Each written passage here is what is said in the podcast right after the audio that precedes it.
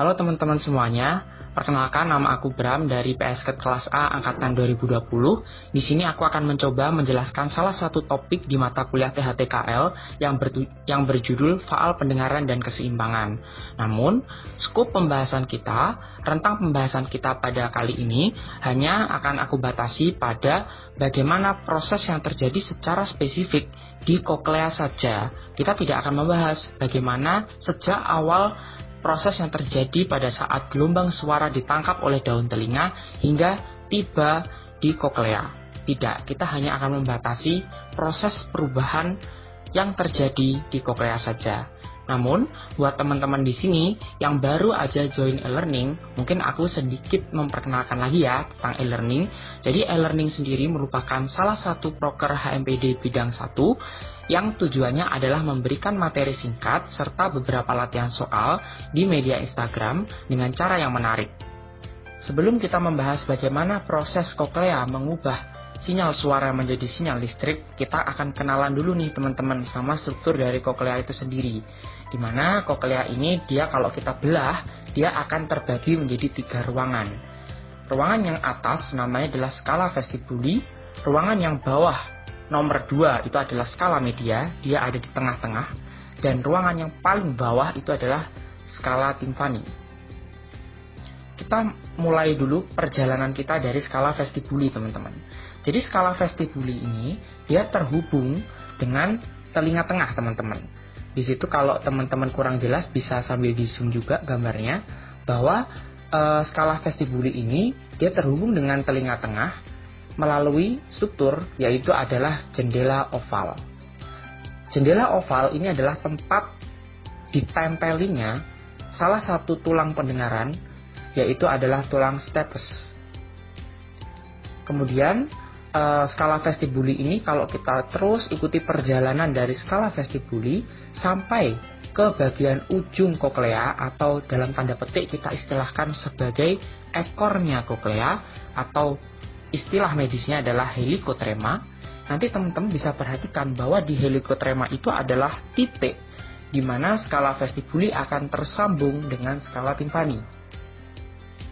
Nah, Skala Timpani, kalau kita terus-menerus ikuti perjalanan dari skala Timpani, pada akhirnya skala Timpani ini akan terhubung juga ke telinga tengah melalui struktur yang kita sebut juga sebagai jendela bundar.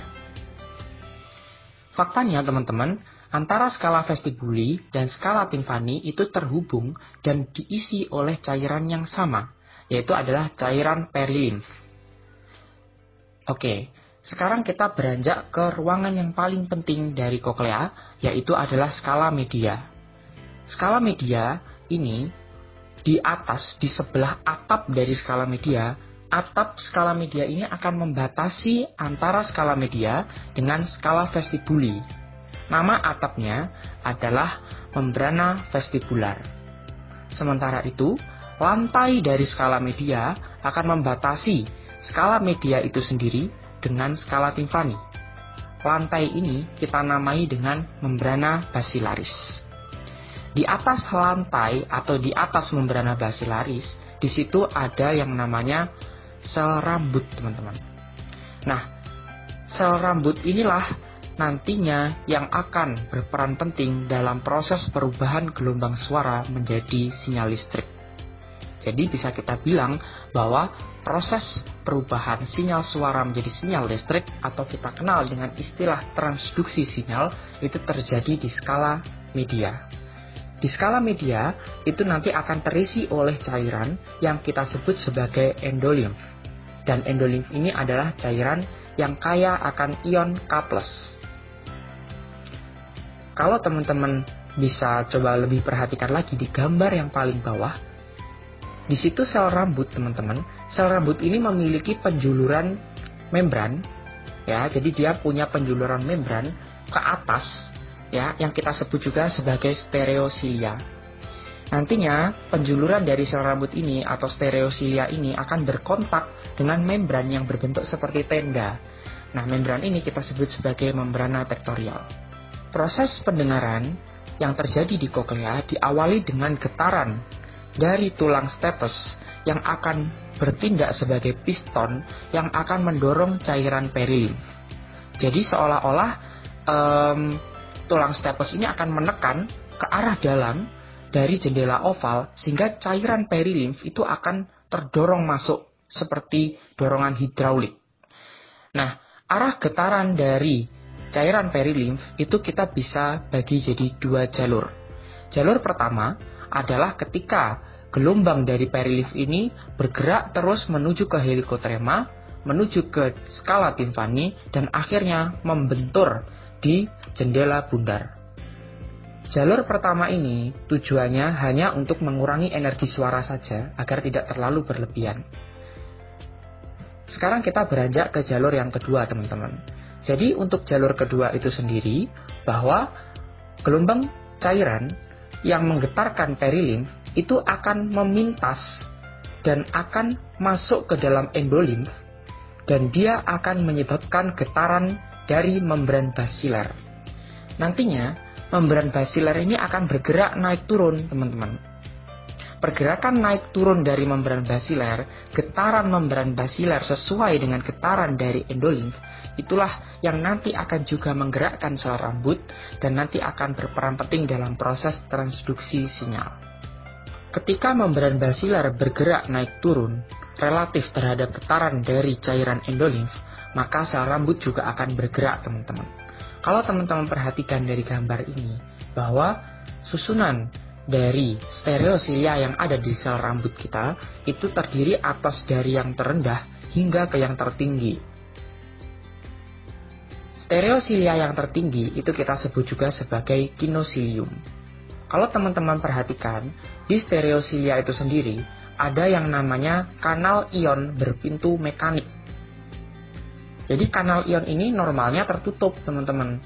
Kalau ada perubahan mekanis berupa getaran, tekanan, itu akan menyebabkan kanal tersebut terbuka sehingga menyebabkan ion yang ada di luar sel itu bisa masuk ke dalam. Teman-teman perhatikan lebih dalam lagi bahwa antar kanal tersebut itu dihubungkan oleh suatu tali yang kita sebut juga sebagai tip link. Ketika sel rambut bergetar dan menekuk stereosilianya menuju ke arah kinosilium yang paling tinggi, maka tipling ini akan tertarik untuk teregang. Tegangan yang terjadi pada tipling itu menyebabkan kanal ion berpintu mekanik itu terbuka karena pintunya ditarik sama tali gitu ya.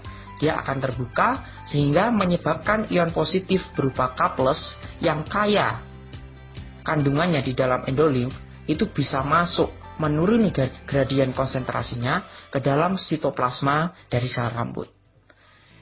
Karena banyak ion positif yang memasuki sel rambut, maka kita katakan sel rambut dalam keadaan depolarisasi. Depolarisasi dari sel rambut menyebabkan kanal kalsium berpintu listrik terbuka. Sehingga karena kanal kalsium ini terbuka, menyebabkan ion kalsium masuk ke dalam sitoplasma. Ion kalsium ini adalah kausa yang pada akhirnya menyebabkan vesikel-vesikel atau kantong-kantong yang berisi neurotransmitter itu akan dilepaskan, dieksositosiskan atau dimuntahkan dari sel rambut menuju ke celah sinapsis. Nantinya Neurotransmitter inilah yang akan menyebabkan dibangkitkannya potensial aksi di nervus nomor 8 yang nantinya akan dikirim ke otak untuk dipersepsikan sebagai suatu bunyi. Penjelasan mengenai faal pendengaran terkait dengan detail yang terjadi di koklea mengenai bagaimana proses transduksi sinyal perubahan sinyal suara menjadi sinyal listrik. Apabila ada kurang lebihnya, saya mohon maaf. Wassalamualaikum warahmatullahi wabarakatuh.